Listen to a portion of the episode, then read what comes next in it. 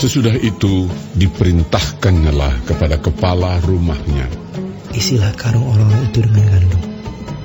Seberapa yang dapat dibawa mereka. Dan letakkanlah uang masing-masing di dalam mulut karungnya. Dan pialaku, piala perak itu. Taruhlah di dalam mulut karung anak yang bungsu, serta uang pembayar gandumnya juga.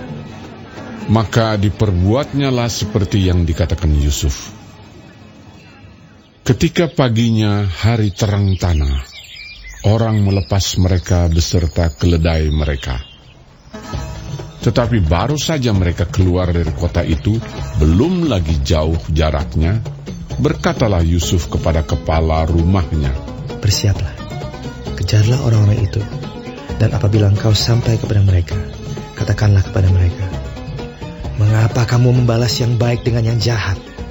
Bukankah ini piala yang dipakai tuanku untuk minum, dan yang biasa dipakainya untuk menelaah? Kamu berbuat jahat dengan melakukan yang demikian. Ketika sampai kepada mereka, diberitakannya kepada mereka perkataan Yusuf itu. Jawab mereka kepadanya, Mengapa tuanku mengatakan perkataan yang demikian? Jauhlah daripada hamba-hambamu ini untuk berbuat begitu. Bukankah uang yang kami dapati di dalam mulut karung kami telah kami bawa kembali kepadamu dari tanah Kanaan? Asakan kami mencuri emas atau perak dari rumah tuanmu? Pada siapa dari hamba-hambamu ini kedapatan piala itu? Biarlah ia mati. Juga kami ini akan menjadi budak tuanku. Sesudah itu berkatalah ia, Ya, usulmu itu baik. Tetapi pada siapa kedapatan piala itu? Hanya dialah yang akan menjadi budakku. Dan kamu yang lain itu akan bebas dari salah. Lalu segeralah mereka masing-masing menurunkan karungnya ke tanah dan masing-masing membuka karungnya. Dan kepala rumah itu memeriksanya dengan teliti. Ia mulai dengan yang sulung sampai kepada yang bungsu. Maka kedapatanlah piala itu dalam karung Benyamin. Lalu mereka mengoyakkan jubahnya dan masing-masing memuati keledainya dan mereka kembali ke kota. Ketika Yehuda dan saudara-saudaranya sampai ke dalam rumah Yusuf, Yusuf masih ada di situ. Sujudlah mereka sampai ke tanah di depannya. Berkatalah Yusuf kepada mereka, Perbuatan apakah yang kamu lakukan ini? Tidakkah kamu tahu bahwa seorang yang seperti aku ini pasti dapat menelaah? Sesudah itu berkatalah Yehuda, Apakah yang akan kami katakan kepada tuanku? Apakah yang akan kami jawab? Dan dengan apakah kami akan membenarkan diri kami? Allah telah memperlihatkan kesalahan hamba-hambamu ini. Maka kami ini, budak tuanku lah kami. Baik kami maupun orang pada siapa kedapatan piala itu. tetapi jawabnya, Jauhlah daripadaku untuk berbuat demikian. Pada siapa kedapatan piala itu, dialah yang akan menjadi budakku. Tetapi kamu ini, pergilah kembali dengan selamat kepada ayahmu. lalu tampillah Yehuda mendekatinya dan berkata, Mohon bicara Tuanku. Izinkanlah kiranya hambamu ini mengucapkan sepatah kata kepada Tuanku. Dan janganlah kiranya bangkit amarahmu terhadap hambamu ini. Sebab Tuanku adalah seperti Firaun sendiri. Tuanku telah bertanya kepada hamba-hambanya ini. Masih adakah ayah atau saudara kamu? Dan kami menjawab Tuanku.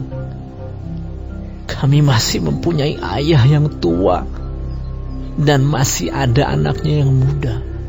Yang lahir pada masa tuanya. Kakaknya telah mati. Hanya dia sendirilah yang tinggal dari mereka yang seibu. Sebab itu ayahnya sangat mengasihi dia. Lalu Tuanku berkata kepada hamba-hambamu ini, Bawalah dia kemari kepadaku, supaya mataku memandang dia. Tetapi jawab kami kepada Tuanku, anak itu tidak dapat meninggalkan ayahnya. Sebab jika ia meninggalkan ayahnya, tentulah ayah ini mati. Kemudian Tuanku berkata kepada hamba-hambamu ini, Jika adikmu yang bungsu itu tidak datang kemari bersama-sama dengan kamu, kamu tidak boleh melihat mukaku lagi. Setelah kami kembali kepada hambamu, ayahku, maka kami memberitahukan kepadanya perkataan tuanku itu. Kemudian ayah kami berkata, Kembalilah kamu membeli sedikit bahan makanan bagi kita. Tetapi jawab kami, kami tidak dapat pergi ke sana. Jika adik kami yang bungsu bersama-sama dengan kami, barulah kami akan pergi ke sana. Sebab kami tidak boleh melihat muka orang itu. Apabila adik kami yang bungsu tidak bersama-sama dengan kami. Kemudian berkatalah hambamu, ayahku, kepada kami.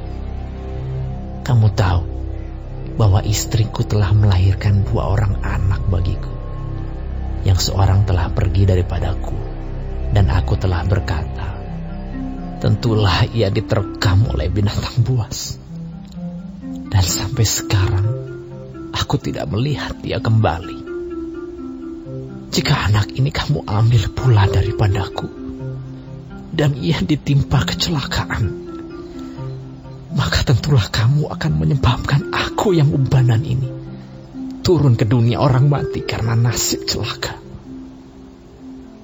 Maka sekarang apabila aku datang kepada hambamu, ayahku, dan tidak ada bersama-sama dengan kami anak itu, padahal ayahku tidak dapat hidup tanpa dia, tentulah akan terjadi apabila dilihatnya anak itu tidak ada, bahwa ia akan mati.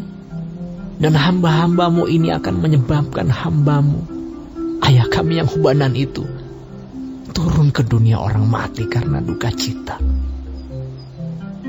Tetapi hambamu ini telah menanggung anak itu terhadap ayahku dengan perkataan, jika aku tidak membawanya kembali kepada Bapa, maka akulah yang berdosa kepada Bapa untuk selama-lamanya. Oleh sebab itu, baiklah hambamu ini tinggal menjadi budak tuanku menggantikan anak itu. Dan biarlah anak itu pulang bersama-sama dengan saudara-saudaranya. Sebab masakan aku pulang kepada ayahku. Apabila anak itu tidak bersama-sama dengan aku. Aku tidak akan sanggup melihat nasib celaka yang akan menimpa ayahku.